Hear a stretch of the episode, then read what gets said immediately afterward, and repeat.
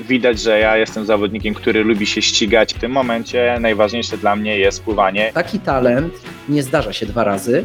W gimnazjum padł mi dychę na słupek i mówił, że jak przepłyniesz, to masz dychę.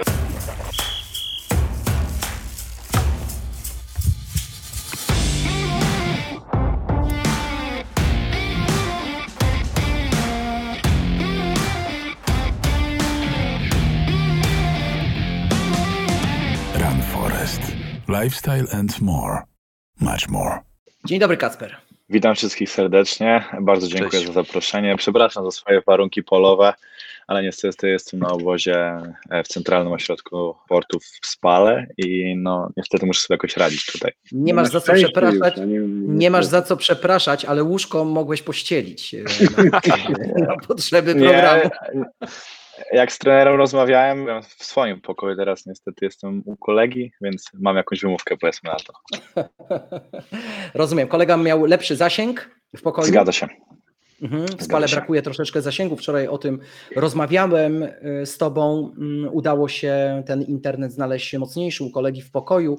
Mm, Rozumiem, że jest problem z internetem, ale nie ma problemu z wodą. Ta woda jest w basenie i możecie pływać. Powiedz, jakie odczucia po pierwszych treningach? No, rewelacja. No. Jednak kontakt z wodą to jest to, czego najbardziej oczekiwałem. Nie jakieś tam ciężary czy ćwiczenia na siłowni, ale właśnie pierwszy kontakt z wodą. Jestem już po, po pierwszym treningu dzisiejszym rannym. No, na pewno odczucie niesamowite. Trochę inne niż zawsze, do którego jestem przyzwyczajony, ale, ale naprawdę byłem ucieszony, gdy wyszedłem z wody. No dobrze, Kacper, ale ty nie miałeś przerwy w pływaniu. Ty podczas kwarantanny miałeś możliwość pływania, trenowania w basenie. To prawda? Zgadza się, zgadza się. Jednak ciągnąłem się kontaktów i uznałem, że chcę e, znaleźć sposób na trenowanie na ten kontakt z wodą i udało mi się i w pewnym miejscu w koło brzegu udało mi się znaleźć dostęp do basenu i tam e, spędziłem cztery tygodnie i na bieżąco trenowałem dwa razy dziennie, więc ta przerwa, teraz miałem tydzień przerwy od wody, ale nie wpłynęło to jakoś na mnie negatywnie. Ja podczas koronawirusa, no mówię, nie pływałem półtora tygodnia, coś takiego. Kacper, mm, dzisiaj to już nie jest tajemnica, że, że pływałeś e, w hotelu Seaside Park Hotel w Kołobrzegu. Zgadza się. Zgadza Prezes, się. te, prezes tego hotelu e, postanowił, kiedy dowiedział się, że mamy kwarantannę i pływacy mają zakaz trenowania, ponieważ baseny są pozamykane, zdecydował się zaryzykować. E, Uruchomił prawników, uruchomił swoje sposoby na to, żeby udostępnić polskim pływakom obiekt sportowy, hotel e, z bazą treningową, siłownią i basenem e, do pływania. Stworzył specjalne procedury, z tego co wiem. Nawet rozmawialiśmy, żeby zakleił okna szarą folią, żeby postronne osoby nie zazdrościły Wam albo nie próbowały hejtować sytuacji, która, się, y, która miała miejsce. Dzisiaj mamy pozwolenie, żeby, żeby o tym mówić.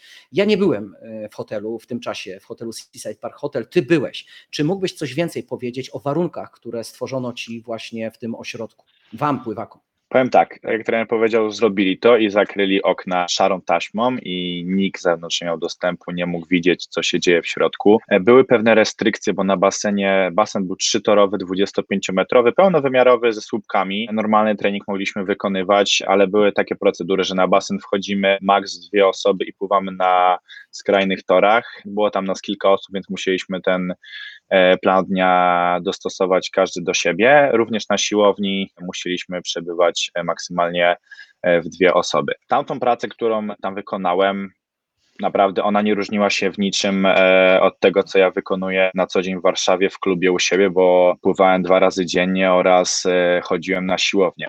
Powiem tak, nawet w pewnym okresie, tam z trzy tygodnie temu, ja byłem w dość wysokiej formie, w takiej, w której kontynuując program, plan z założenia, że Mistrzostwa Europy się odbędą, teraz już wiemy, że niestety są przełożone na rok 2021.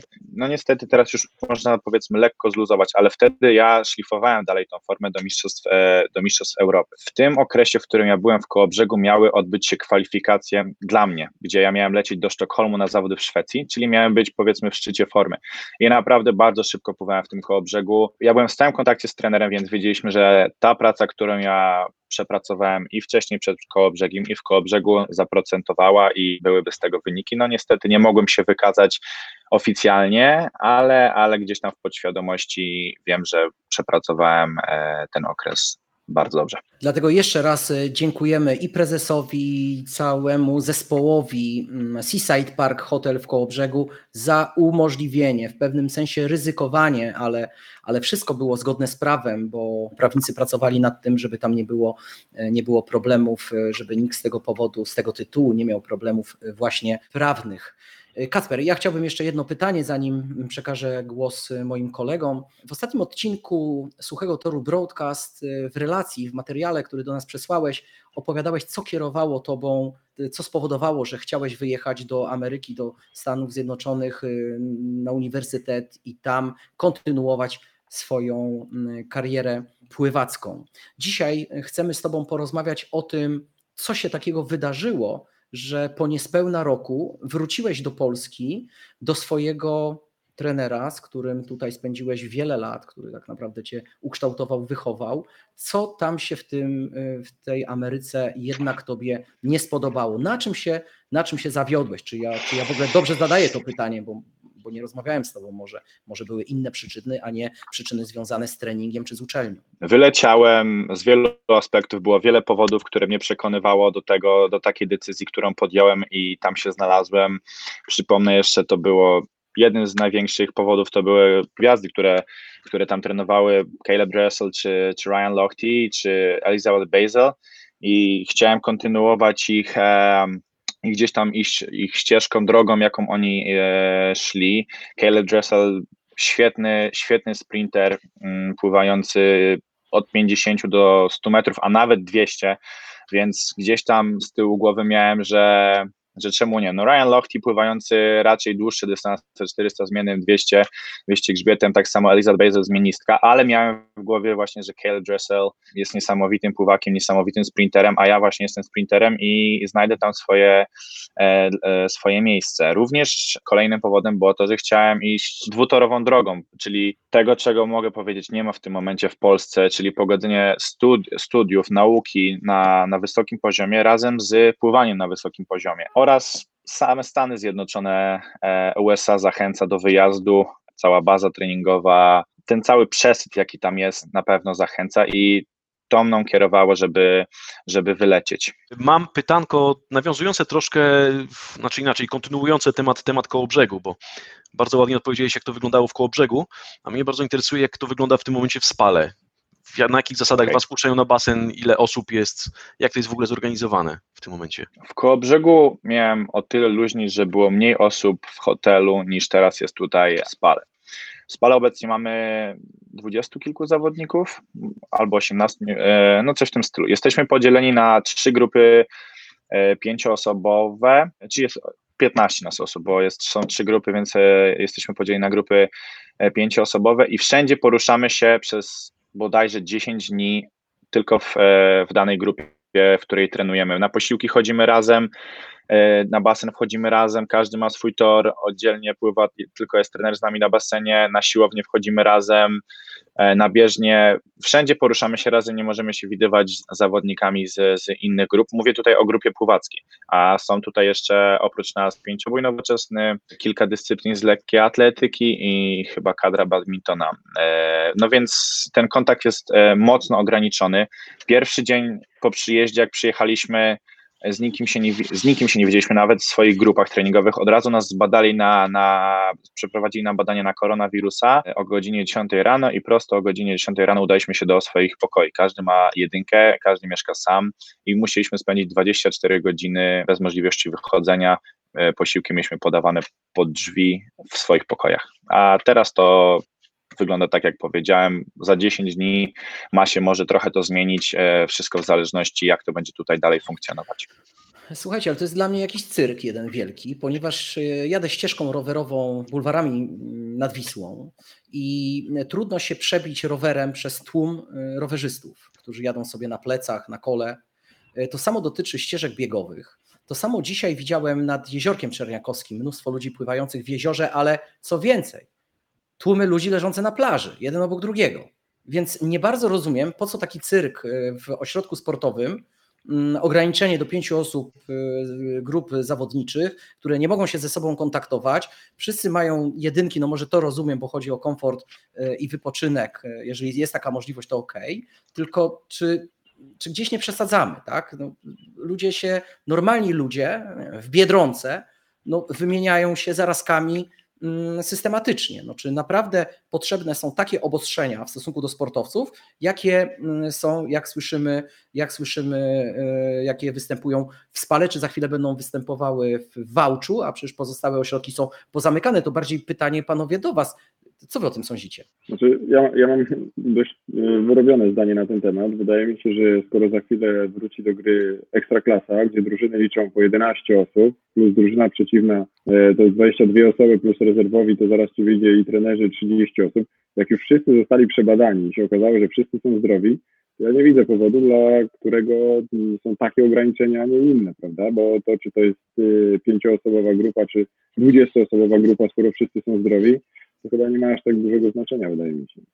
No tak, no to są takie obostrzenia, które moim zdaniem trochę rujnują psychikę, również tą sportową. Jak ty, Kacper, emocjonalnie znosisz takie ograniczenia jako sportowiec?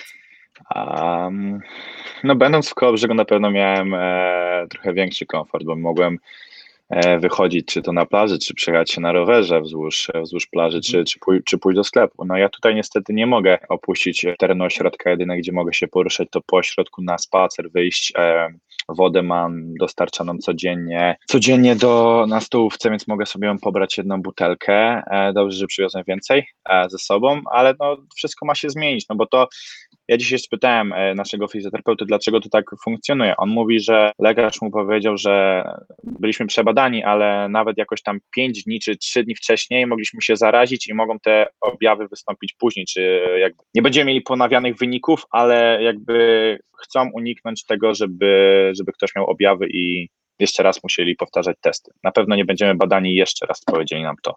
No tak, ale kto wam powiedział? Dyrekcja hotelu, lekarz, bo... Ja dostałem taką informację od fizjoterapeuty, który został poinformowany przez lekarza, który tutaj e, jest z nami na ośrodku.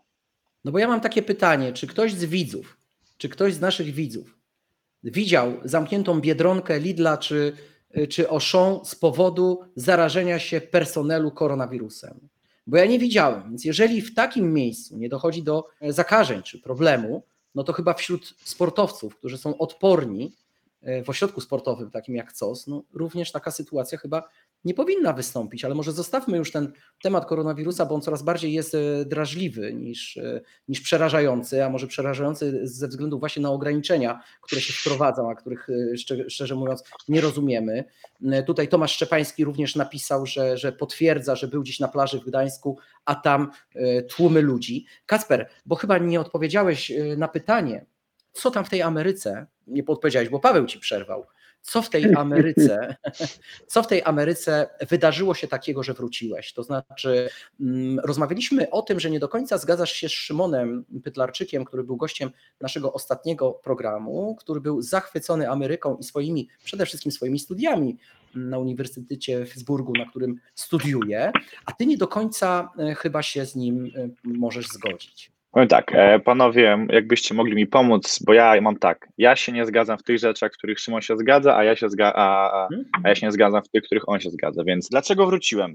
E, pierwszy powód to był mój powrót do Polski, mm, ja wróciłem w kwietniu, w maju były Mistrzostwa Polskie, kwalifikacje na Mistrzostwa Świata w Korei. Niestety na te Mistrzostwa Świata nie udało mi się zakwalifikować, cel był jeden, kwalifikacja, tam walka o, o najwyższe miejsca. Co było tego powodem? W tym momencie mogę powiedzieć, że program treningowy, jaki ja wykonywałem w Stanach. Zgodzę się z Szymonem, naprawdę wie, bardzo dużo rzeczy i większość tam podobała mi się, ja bym tam został. Tylko powiedziałem sobie jedno przed wyjazdem i dalej sobie to mówię, że w tym momencie najważniejsze dla mnie jest pływanie i reprezentowanie kraju jak na najwyższym poziomie. Więc to mnie trochę zniechęciło po pierwszym roku przebywania właśnie na uniwersytecie. To, że nie mogłem reprezentować swojego kraju na, jak na najwyższym poziomie, a nie wynika to z tego, że okej, okay, większość pływaków ma problem potem, żeby przełożyć to na wynik w kraju po takim treningu w Stanach. Wynika to z tego, że my jadąc do Stanów jakby decydujemy, podejmujemy decyzje w większości poprzez rozmowę przez Skype'a, robimy jakiś taki research przez trenerów, nie możemy tego doświadczyć na, na własnej skórze, nie wiem, polecieć tam, potrenować z nimi dwa tygodnie, czy zbadać, jak to wyglądało wcześniej. Można porozmawiać z zawodnikami, bo często się zdarza tak, że Polacy lecą tam, gdzie byli poprzedni Polacy, tak jak Szymon poleciał i mógł porozmawiać. Ja trafiłem na tyle w takim okresie, że poprzednikami moimi w Gatorsach był Jan Świtkowski oraz Marcin Cieślak, ale oni trenowali z Gregiem Trojem. Ja trafiłem w ten moment, kiedy oni się wymieniali. Greg Troj kończył karierę, Antony Nest, jego asystent, wchodził. Ale teraz mogę powiedzieć, że w 90% treningów Antonego Nestiego większość była bardzo podobna do tego, co wykonywał Greg Troy. Cała, większość grupy, co trenowała i z Gregiem Trojem i z Nestim, mówiła, że zdecydowanie różnią się treningi, ale mają jakiś podkład Grega Troja, więc ten trening tam nie podpasował mi. Ja wychodzę z tego założenia, że pływanie jest sportem indywidualnym. Podam przykład. Piłka nożna, sport drużynowy. Na punkt w piłce nożnej składa się to, jak zawodnicy będą grali, czyli musisz się dostosować do drużyny. Podaniami i wypracowaniem akcji strzelasz bramkę. W pływaniu, ok, też się liczy drużyna, my zdobywamy punkty, ale jak my zdobywamy punkty? Pływając indywidualnie, czyli ja wykonuję pracę indywidualnie.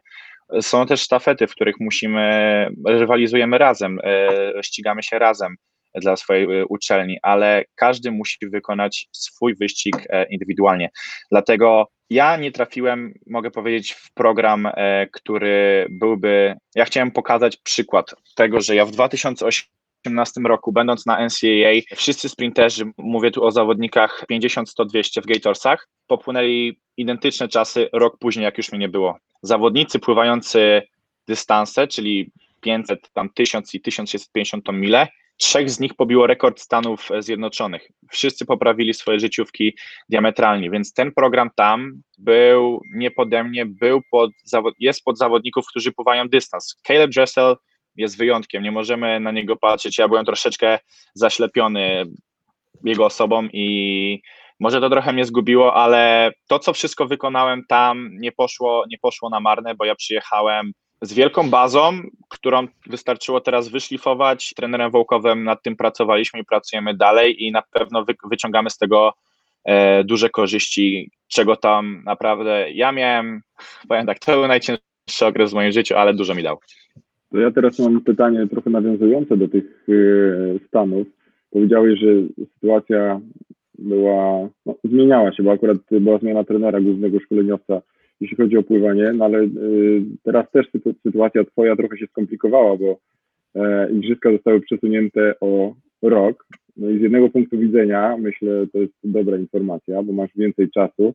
Oczywiście, jeżeli zdecydujesz się zostać w Polsce, bo nie wiem, jaka jest twoja decyzja, czy, czy będziesz do Tokio trenował w Polsce, Natomiast jak to się ma do decyzji o tym, by ponownie wyjechać do Stanów, tym razem na inną uczelnię, bo to też może się trochę skomplikować, jeśli ten wyjazd przesunie się o rok. Tak, ja na razie podjąłem decyzję, że zostaję i szykuję się do igrzysk e, razem z trenerem Wołkowem i wykonujemy pracę taką, jaką już zaczęliśmy i szykujemy się do igrzysk. To będzie po igrzyskach, e, zobaczymy. Uważam, że trener Wołkow zna mnie najlepiej i nie ma osoby na świecie w tym momencie z trenerów, która wie, czego ja potrzebuję, jak ja trenuję i dlatego ja chcę szykować się do najważniejszej imprezy, można powiedzieć, życia razem z, z osobą, która wie, jak mnie do tego e, doprowadzić i przygotować.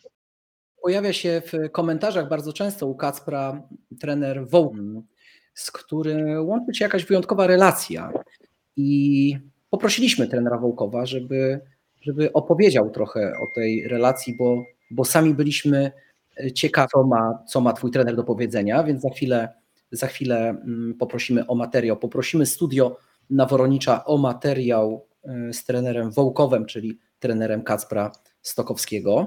Kacperku, e, od 10 lat pracujemy razem, jesteśmy we wspólnym związku małżeńskim, trener-zawodnik. Przez ten okres przeżyliśmy bardzo wiele chwil, tych różnorakich ale chciałbym Ci powiedzieć, że to był dla mnie bardzo ważny okres, bardzo fajny okres e, w moim życiu.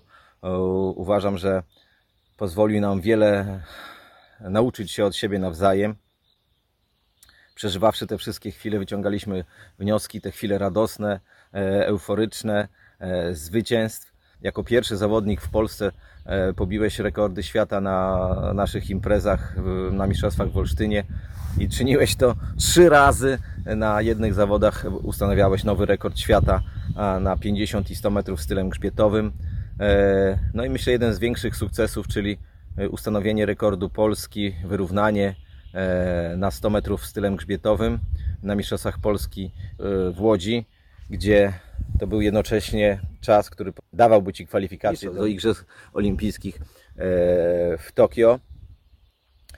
No i jak i te chwile porażki i tutaj niezapomniane przeze mnie, e, które chciałbym wymazać, chciałem na początku wymazać z pamięci Mistrzostwa Europy seniorów na długim basenie w Glasgow, gdzie, no, gdzie nie było dobrze, gdzie nie szło, bo można przegrywać i pływać bardzo dobre czasy, a nam nie szło, czasy były słabe, Przeżyliśmy to obaj.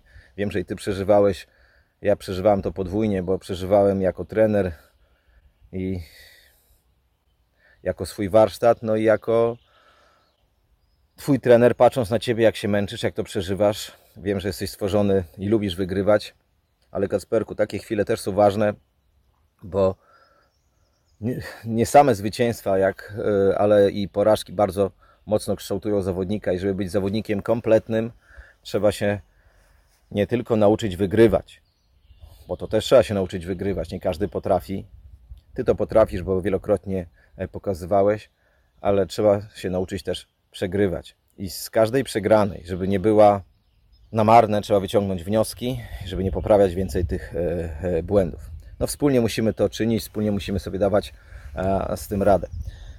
Kacper, mówię to z czystym sumieniem, z pewnym doświadczeniem, które już e, mam, bo jestem trenerem e, około 20 lat i z czystym sumieniem e, mówię po tych 20 latach, że jesteś jednym z najbardziej utalentowanych osób, jakie kiedykolwiek spotkałem w swojej drodze trenerskiej. I myślę, że już chyba nie spotkam, bo taki rarytas nie, nie zdarza się dwa razy w naszym krótkim życiu zostałeś obdarzony w niesamowite warunki do osiągania celu, do zwyciężania. Niesamowite czucie wody, niesamowite czucie dystansu, e, wyścigu. E, jesteś szybki, dynamiczny, e, jak również wytrzymały. Jesteś, to jest najważniejsze, że ty jesteś osobą, maszyną do zwyciężania. Jedyną przeszkodą w osiągnięciu celu, moim zdaniem, jesteś ty sam, gdy przychodzi kryzys, gdy przychodzi niechęć, gdy przychodzi zmęczenie. Wiesz o czym mówię, e, bo trenujemy razem, e, znamy te okresy, kiedy nie chcesz poddać się pracy, ale to jest Kacperku normalne, każdego to spotyka. Jesteś już też zawodnikiem coraz bardziej dojrzałym i wiesz e, o czym mówię i wiesz jak sobie z tym radzić. Jeśli, i to, to jest bardzo ważne, jeśli Ty sobie pozwolisz, Kacper, jeśli Ty sobie pozwolisz pomóc,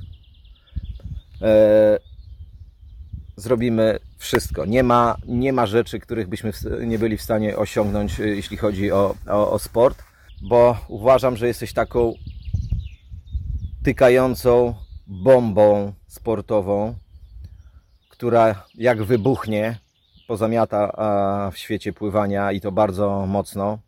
No tylko musisz pozwolić y, sobie, żeby ją zdetonował. Złośliwcy mówią, o, Kasper Stokowski się już skończył. A ja z pełną świadomością mówię, Kacper Stokowski jeszcze nie zaczął. I myślę, że jak sobie pozwolisz, nie jedne igrzyska przed nami. Kacper, kocham Cię i pozdrawiam. Jeszcze jedno.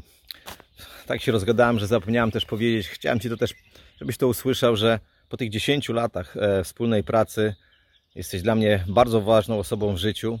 Uważam, że, y, że już Ty dla mnie nie jesteś moim zawodnikiem, którego trenuję, ale jesteś moim przyjacielem, w którym wspólnie pracujemy, żeby osiągnąć te najważniejsze cele, jak jakimi są kwalifikacje na najważniejsze e, imprezy e, światowe, no i oczywiście te nasze wymarzone Igrzyska Olimpijskie, których e, Tobie i sobie życzę. Pozdrawiam Cię kolego, trzymaj się, hej. No Kasper, widziałem, że pod koniec materiału tutaj w podglądzie zasłaniałeś oczy. Mm, zastanawiam się, czy już je wycierasz, bo ładunek emocjonalny, jaki niósł ta wypowiedź twojego trenera Pawła Wołkowa, no na mnie też zrobiła olbrzymie wrażenie. Ja montowałem ten materiał i jak go montowałem, to za każdym razem na zegarku Polar widziałem swoje tętno, które mi skacze prawie do tętna wyścigowego. E, w związku z tym, jeżeli takie emocje wywoływał Paweł Wołkow u mnie, no to jakie, jakie one u ciebie e, musiały być? No to jest, powiem ci, niesamowita relacja. Ja może inaczej. Ja ciebie usprawiedliwiam, ja rozumiem ciebie, dlaczego ty wróciłeś z tych Stanów. No bo jeżeli mm, rozstałeś się z takim trenerem, z którym masz e, taką relację, no to ciężko chyba zbudować podobną z innymi trenerami. Czy, czy, czy mam trochę racji w tym, co mówię? Na pewno, na pewno. No, nie spodziewałem się wypo, przede wszystkim wypowiedzi trenera Pawła i w taki sposób wypowiedzi, aż się czerwony na twarz zrobiłem. Jutro nie będę już do niego szedł teraz, bo pewnie śpi, ale albo ogląda, ale jutro rano na treningu na pewno mu za to podziękuję. Tak, no, relację z trenerem, jaką mamy na pewno i na sam trening, i na realizację tego treningu i potem to, co ja wyczyniam e, i realizuję na zawodach, no jest dla mnie autorytetem przede wszystkim, dużo mnie nauczył od małego, naprawdę e, jak byłem mały, jak miałem, nie wiem, 12-13 lat, może mniejszy, 11-12 i gdzieś w szkole on e, na korytarzach się mijaliśmy, zawsze wywierał na mnie duże emocje i nawet się go bałem, nawet się go bałem, naprawdę, jak zaczynaliśmy razem pracować, to e, przychodziłem przestraszony, ale przychodziłem e, z chęcią na te treningi, bo taką, jaką jest on, osobą na co dzień i podczas prowadzenia treningu, to no nie da się tego opisać, trzeba samemu spróbować e, tego na własnej skórze i cieszę się, cieszę się, że nasze, nasze, nasze drogi się skrzyżowały i dalej, dalej możemy razem współpracować, bo tak jak powiedział on i ja też uważam, że ta praca była owocna i jeszcze dużo przed nami. Paweł Wołkow, trener mm, Kacpra Stokowskiego. Ja wiem, że Kacper rozpoczynał swoją karierę u Doroty Berger, mojej koleżanki, którą trenowaliśmy razem pływanią na w Polonii Warszawa, ja w Lewi Warszawa, y, ale podobno Kacper był zawsze wpatrzony w trenera starszej grupy, który był i dobrze zbudowany, i był bardzo energetyczny, i swoim zachowaniem Y, skupiał na sobie uwagę i Kacper był w niego zapatrzony. Nie wiem, czy to jest, y, czy to jest y, prawda, czy ty też się z tym, z tym zgodzisz. Ale zanim trafi... Ja się wypowiem na to, bo tak, trenowałem z panią Dorotą okres podstawówki i ja w szóstej klasie zacząłem uczęszczać na popołudniowe zajęcia dodatkowe spływania do trenera Wołkowa. Ja przychodziłem wtedy do klasy piątej, czyli do młodszego rocznika. Pamiętam moment przejścia do gimnazjum. Trener Wołkow miał swoją grupę rocznika starszego, 9-8 oraz 9-7, drugiej i trzeciej klasy, a pani Dorota prze, e, przejęła pałeczkę z podstawówki i dalej, dalej kontynuowała pracę, dalej kontynuowała pracę z rocznikiem 9-9 w gimnazjum. Ja po treningach z Wołkowem w szóstej klasie i po tym jak on nawet w tak małym stopniu, bo to było dwa albo trzy razy po południu, pracował ze mną i pracował z całą grupą, Szczerze, ja zadzwoniłem, e, zadzwoniłem do swojej mamy, e, w, e, jak miałem te 14 lat i powiedziałem, że nie mamo, ja chcę przejść do, do grupy trenera Wołkowa już na drugim treningu. Pierwszy trening wykonałem właśnie z panią Dorotą, ale już, już od drugiego treningu zjawiłem się w grupie trenera Wołkowa. No i udało się i tak zostałem do tej pory, więc tak, tak było. Wywarł na mnie na pewno duże wrażenie swoim temperamentem, charakterem i, i sposobem pracy z dziećmi, bo wtedy byłem dzieckiem. Kasper, ale zanim trafiłeś do trenera Wołkowa, a jeszcze wcześniej do Doroty Berger, wiem, że uprawiałeś wiele dyscyplin sportowych. My bardzo często poruszamy ten wątek w naszym programie, ponieważ widzimy sportowcy wielkiego formatu, y, którzy, którzy są specjalistami w swojej dyscyplinie, najczęściej mają to właśnie przeszłość sportową bardzo wszechstronną. Mm, ty podobno uprawiałeś taekwondo, szermierkę, lekkoatletykę, E, a nawet piłkę nożną w Akademii Żmudy. Zgadza mm, się. Dlaczego zrezygnowałeś? Każdy, sportowiec, każdy młody chłopak chce być piłkarzem. Dlaczego zrezygnowałeś z kariery piłkarskiej na rzecz kariery pływackiej, gdzie podobno trafiłeś do e, grupy mniej zaawansowanej pływackiej niż byś chciał albo niż twój talent by na to wskazywał dzisiaj? Tak, tak, tak było. Ja do tej pory, moim ulubionym sportem nie jest pływanie, ale jest piłka nożna. Oglądam mecze, sam chodzę, jeśli mogę w tym tak powiedzmy okresie off-season pograć, ale wiem, że jest to bardzo kontuzyjny sport, raczej pokopać sobie, pobijać poprzeczkę piłką czemu wybrałem pływanie? Podjąłem decyzję w czwartej klasie bądź trzeciej podstawówki. Ja po treningach i po szkole byłem wożony przez tatę na treningi na godzinę 17-18 i trening trwał do późnych godzin wieczornych, tam do 19 do 20. ja po takim całym dniu, jak byłem prowadzany do szkoły na ósmą i po, po powrocie wiek, e, o 20, jak miałem te 11 tam czy te 10 lat, ja wracałem w samochodzie po prostu śpiąc, codziennie, e, codziennie. No, trzy razy w, tre, e, w, tygodniu były treningi, więc ja trzy razy w tygodniu już zasypiałem w samochodzie o godzinie 20. I moja mama widziała, że ja naprawdę się męczę i muszę podjąć decyzję, czy idę w piłkę, czy idę w pływanie. Ja wtedy byłem w klasie o profilu pływanie i miałem wielu, właśnie miałem znajomych, z którymi, e, kolegów, z którymi ja trenowałem na co dzień, byłem w szkole. Nie chciałem zmieniać środowiska i jak przejść do klasy ogólnej, czy zmienić w ogóle szkołę, bo ja się z nimi bardzo dobrze dogadywałem i też uznałem tak, że jest to sport indywidualny i ja już się wtedy z nim spełniałem na, na szczeblu warszawskim i naprawdę e, cieszyły, cieszyły mnie medale czy, czy wyścigi i że ja pracuję na, na swój wynik, a nie, nie cała drużyna. Co prawda kochałem grać w piłkę i kopałem na cokolwiek było w domu, na ulicy, czy to był kamień, czy do tej pory idę i nie wiem, nawet mam, nie wiem, jakąś piłeczkę do masażu, to sobie nią pożongluję, tak? No, ale wybrałem pływanie i tak zostało. Również inne sporty, jakie trenowałem, to tak, było taekwondo, jak miałem 7 lat, była szermierka, śmieszny epizod, bo trenowałem właśnie też przez to, że byłem w szkole o profilu pływanie połączony z klasą pięciobojową, więc uczęszczałem na treningi szermierki oraz biegania i pojechał, trener nas zabrał na pierwsze zawody, takie, żebyśmy zobaczyli, jak to jest. Byliśmy pierwszoroczniakami, znaczy pierwszoroczniakami, byliśmy pierwszy raz na zawodach po, po roku trenowania szermierki na Mistrzostwach Warszawy i we dwóch trafiliśmy do finału. E, zmierzyliśmy się w finale z moim kolegą, z którym trenowaliśmy przez rok tylko szermierkę i stanęliśmy razem e, szpada w szpadę w finale mhm. Mistrzostw Warszawy.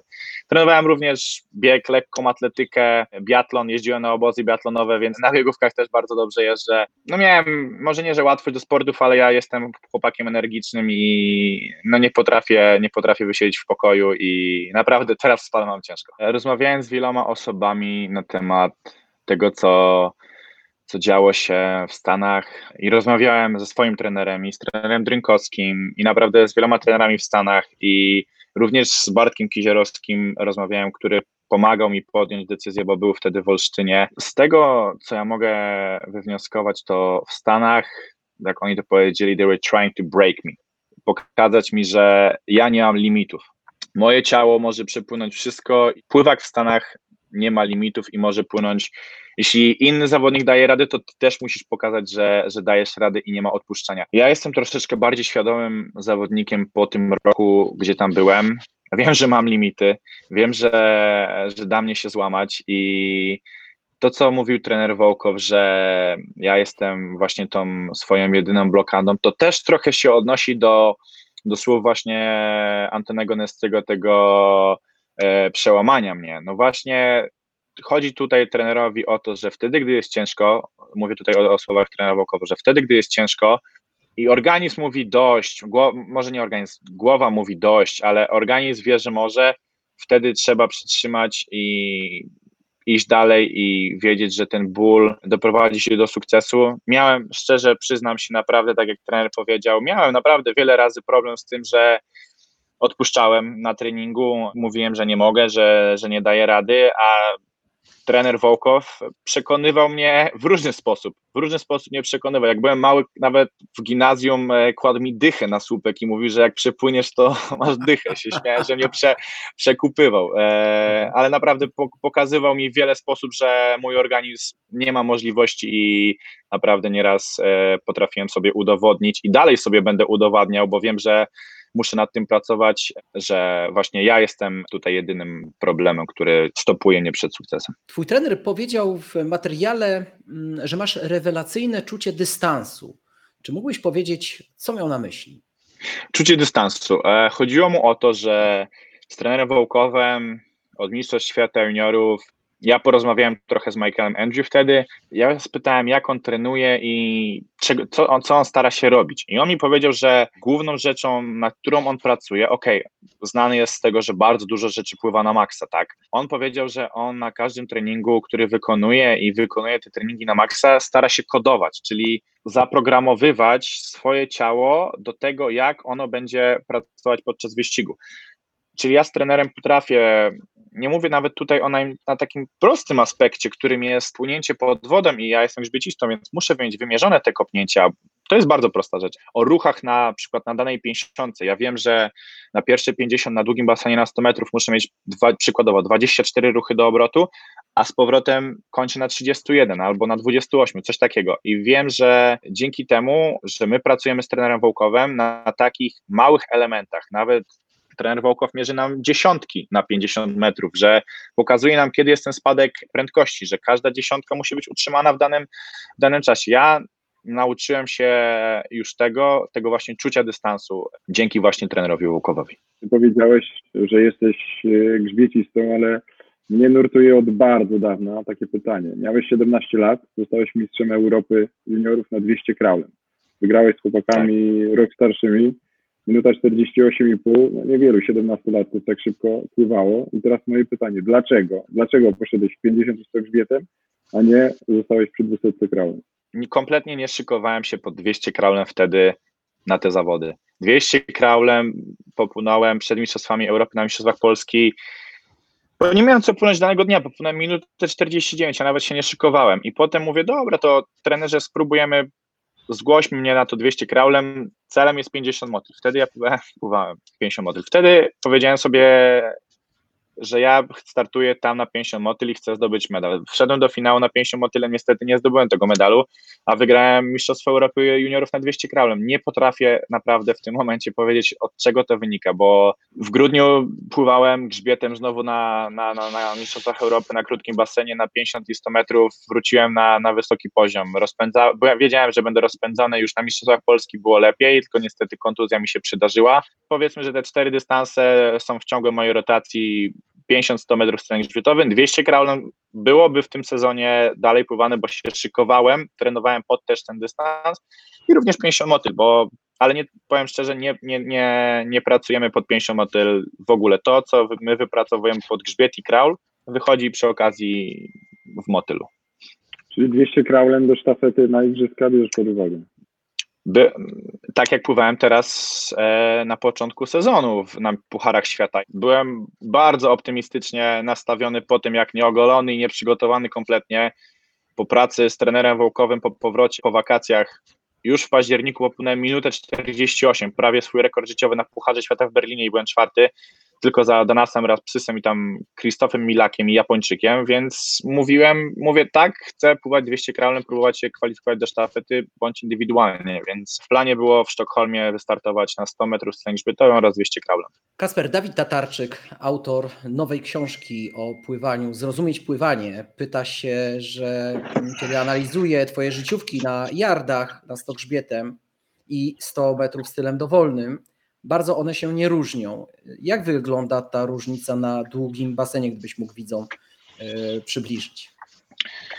Powiem tak, w Gatorsach miałem pierwsze miejsce w sztafecie w stylem grzbietowym, czy to było 50 czy 100 metrów stylem grzbietowym. Ja punktowałem e, zawsze na każdych zawodach grzbietem, również delfinem, a wiedziałem, teraz, teraz wiem, wtedy nie wiedziałem, teraz wiem, że gdyby mnie wystawiali 200 yardów kraulem, ja bym pływał na wysokim poziomie te 200 metrów, te 200 yardów właśnie kraulem. 100, 100 yardów kraulem nie miałem okazji się wykazać, bo czas jest z dual mitu, czyli w zawodów, w których pływałem w kąpielówkach w czasie treningu, więc nie można porównywać tych czasów, ale powiem szczerze, że teraz będąc bardziej świadomym zawodnikiem i wiedząc jakie błędy również ja popełniłem, bo nie mogę mówić, że jednym wielkim błędem był program treningowy Gatorsów, ale również mój, może nie, że styl życia, ale sposób odżywiania się e, w Stanach. Ja byłem po polsku, a od, może nie, że otyły, ale dużo przytyłem w Stanach. Pozwoliłem sobie na takie, no przyleciałem, zobaczyłem te wszystkie fast foody,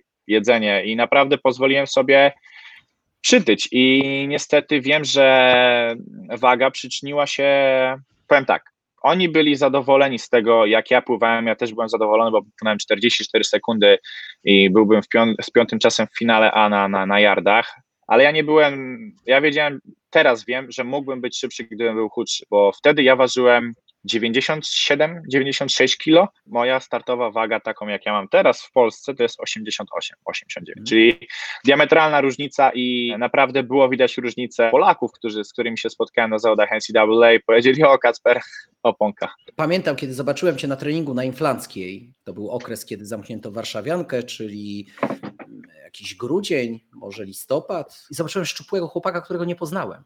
Ja Ciebie nie poznałem. Ty bardzo ładnie już wyglądałeś. Znowu zacząłeś być podobny do pływaka, tak jak pływak powinien wyglądać, czyli jest muskulatura, ale jest szczupła sylwetka. I ja wtedy też zrozumiałem, że chyba dobrze, że wróciłeś, bo inaczej, jak dobrze wygląda sportowiec, y, widać y, sylwetkę wytrenowaną, szczupłą, to znaczy, że jest w formie. Ja pomyślałem sobie, że ta forma wraca, porozmawiałem sobie wtedy e, z Pawłem Wołkowem i on przyznał rację, że to jest już zupełnie inny Kacper niż, e, niż znaliśmy Kacpra e, do tej pory. Kacper, ale... Słuchaj, no ja widziałem Kacpra, ja widziałem Kacpra w Wolsztynie akurat na Mistrzostwach Polski zaraz po powrocie ze Stanów. Mhm. No i tego nie poznałem, ale jego i Bartka Piszczorowicza, który też wrócił ze Stanów na te zawody, bo różnicę w wadze naprawdę było widać gołym okiem. Mhm. Tak, tak. Tutaj widzę, że komentarz poszedł, że dieta jest kluczowa. Teraz z ręką na sercu przyznaję się, że tak, to ma naprawdę ogromne znaczenie w sporcie, w każdym sporcie, jaki, jaki ktokolwiek uprawia i w pływaniu naprawdę dużo, dużo daje dobre, e, dobre paliwo. Widzę, że Łukasz Jaśkiewicz jest na naszym czacie, mm, to też jest specjalista od diety. Mamy wielu specjalistów od diety. Myślę, że to właśnie jest teraz ciekawy kierunek, którego Arturowi Wojdatowi, chciałem powiedzieć, że Artur wciąż z nami jest i ogląda nas, słucha Kacpra mm, właśnie w tej chwili.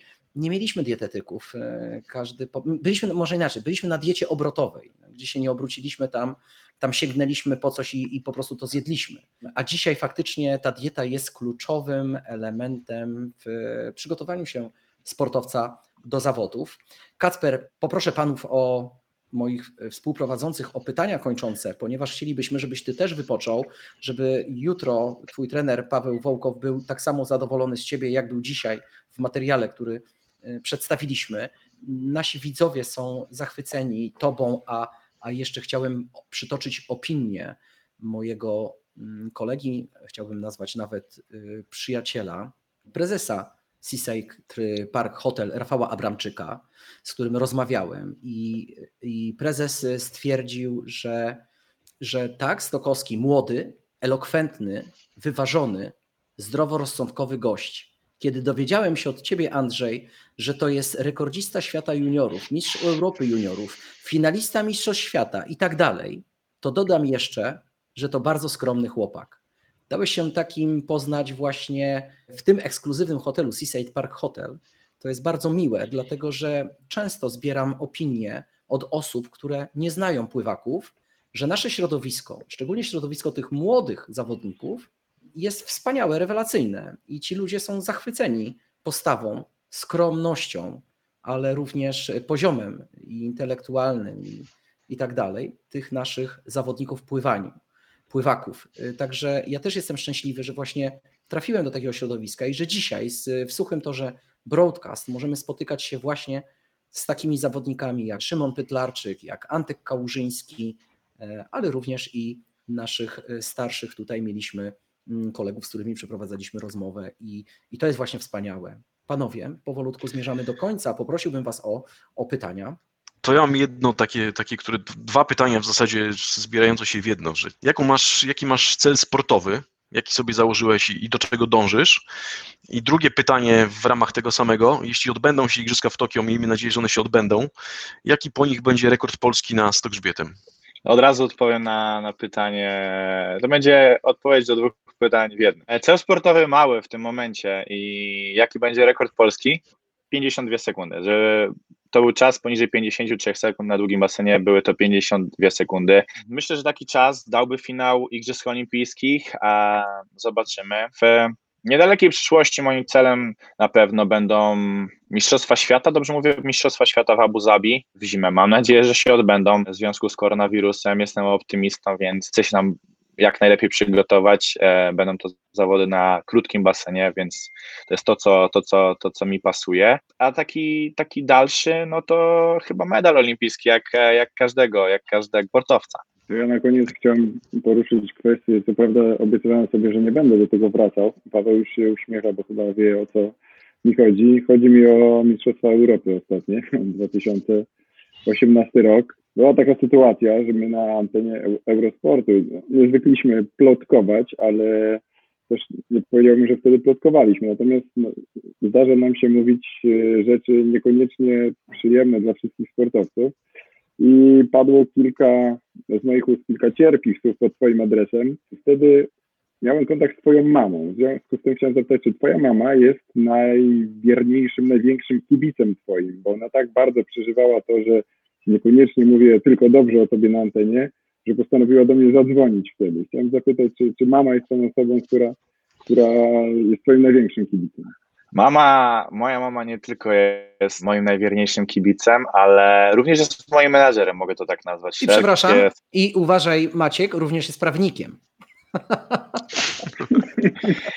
Chciał, chciałem ją serdecznie z tego miejsca pozdrowić. Przedwczoraj miał urodzin, także mamusi jeszcze wszystkiego najlepszego, ale tak, mama jest moim najwierniejszym kibicem e, razem z moją babcią, ale mama pełni ważniejsze rzeczy i na pewno odgrywa wielką rolę w mojej karierze, bo gdyby nie ona, myślę, że nie byłbym w tym miejscu i w różnych wielu, w których byłem. Naprawdę zawdzięczam jej bardzo dużo i, i, i kocham cię, mamuś.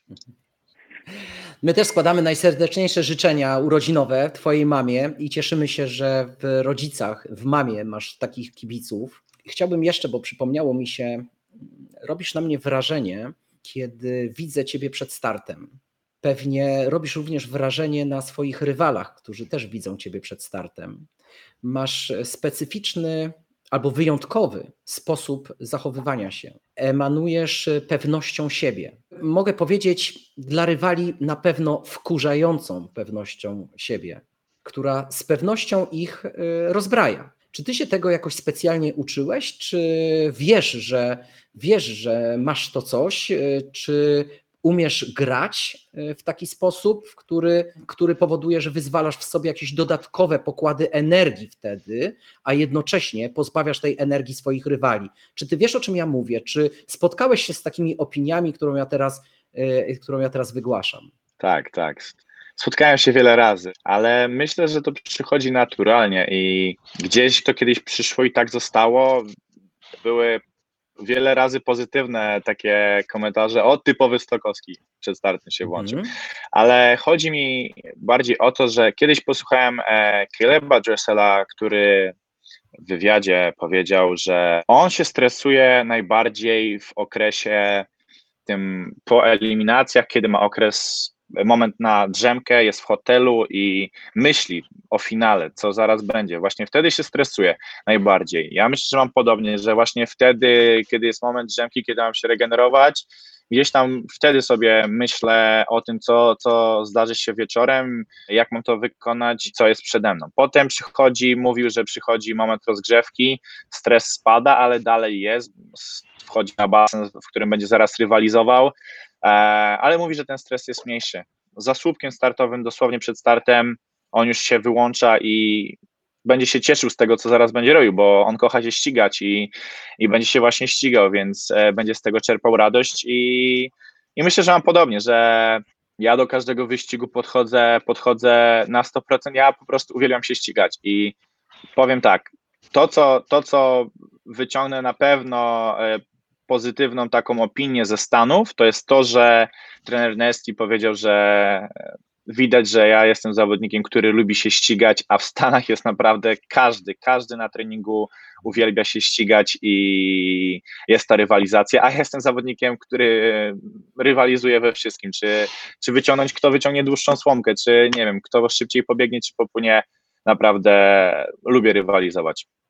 Każdy sportowiec y, powinien być, wyjątkowy sportowiec powinien być wyjątkowo obdarzony takimi cechami, ty nimi jesteś. Obdarzony straż tych rywali, bo ja bardzo chętnie y, oglądam ciebie właśnie, kiedy przyjmujesz taką postawę mm, mm, pewniaka, no, takiego walczaka. w nawiązaniu do tej postawy, Andrzeju, e, czy ta, ta twoja pewność siebie, którą emanujesz przed startem, e, by, bywała interpretowana w taki sposób, że o, Stokowski zadziera noca? Spotkałeś się z czymś takim? Nie.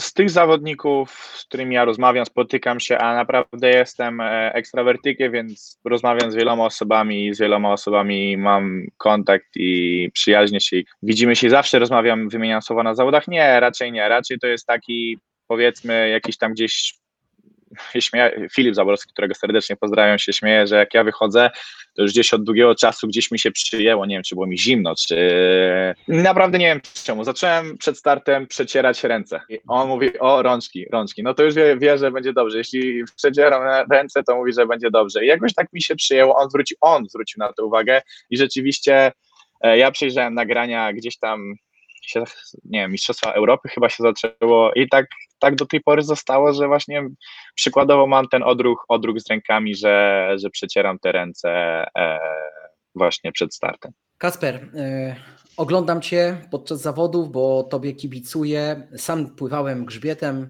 mm, to był mój ulubiony styl, albo może styl, którym naj, najlepiej pływałem, więc rozumiem grzbiecistów i potrafię dostrzec piękno tego stylu. Ty to piękno potrafisz zaprezentować podczas e, nie tylko wyścigów, ale również treningów.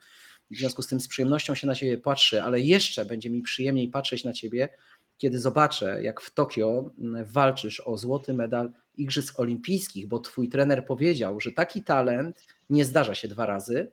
W związku z tym życzę ci, żebyś razem z trenerem wykorzystał tą szansę, którą dostałeś gdzieś tam z góry, e, której nie dostał nikt inny, albo niewielu dostaje. Także powodzenia, samych medali, samych sukcesów i zdrowia przede wszystkim, bo każdy sportowiec przede wszystkim musi być e, zdrowy. Dziękujemy bardzo za, za tą wizytę Twoją e, w studio. Bardzo dziękuję oraz bardzo dziękuję za zaproszenie. Naprawdę miło się rozmawiało. Trzymaj się. Pozdrawiam. Treningów. Cześć. Hej. Dziękuję. Cześć. Dobrej nocy. Wszystkiego dobrego.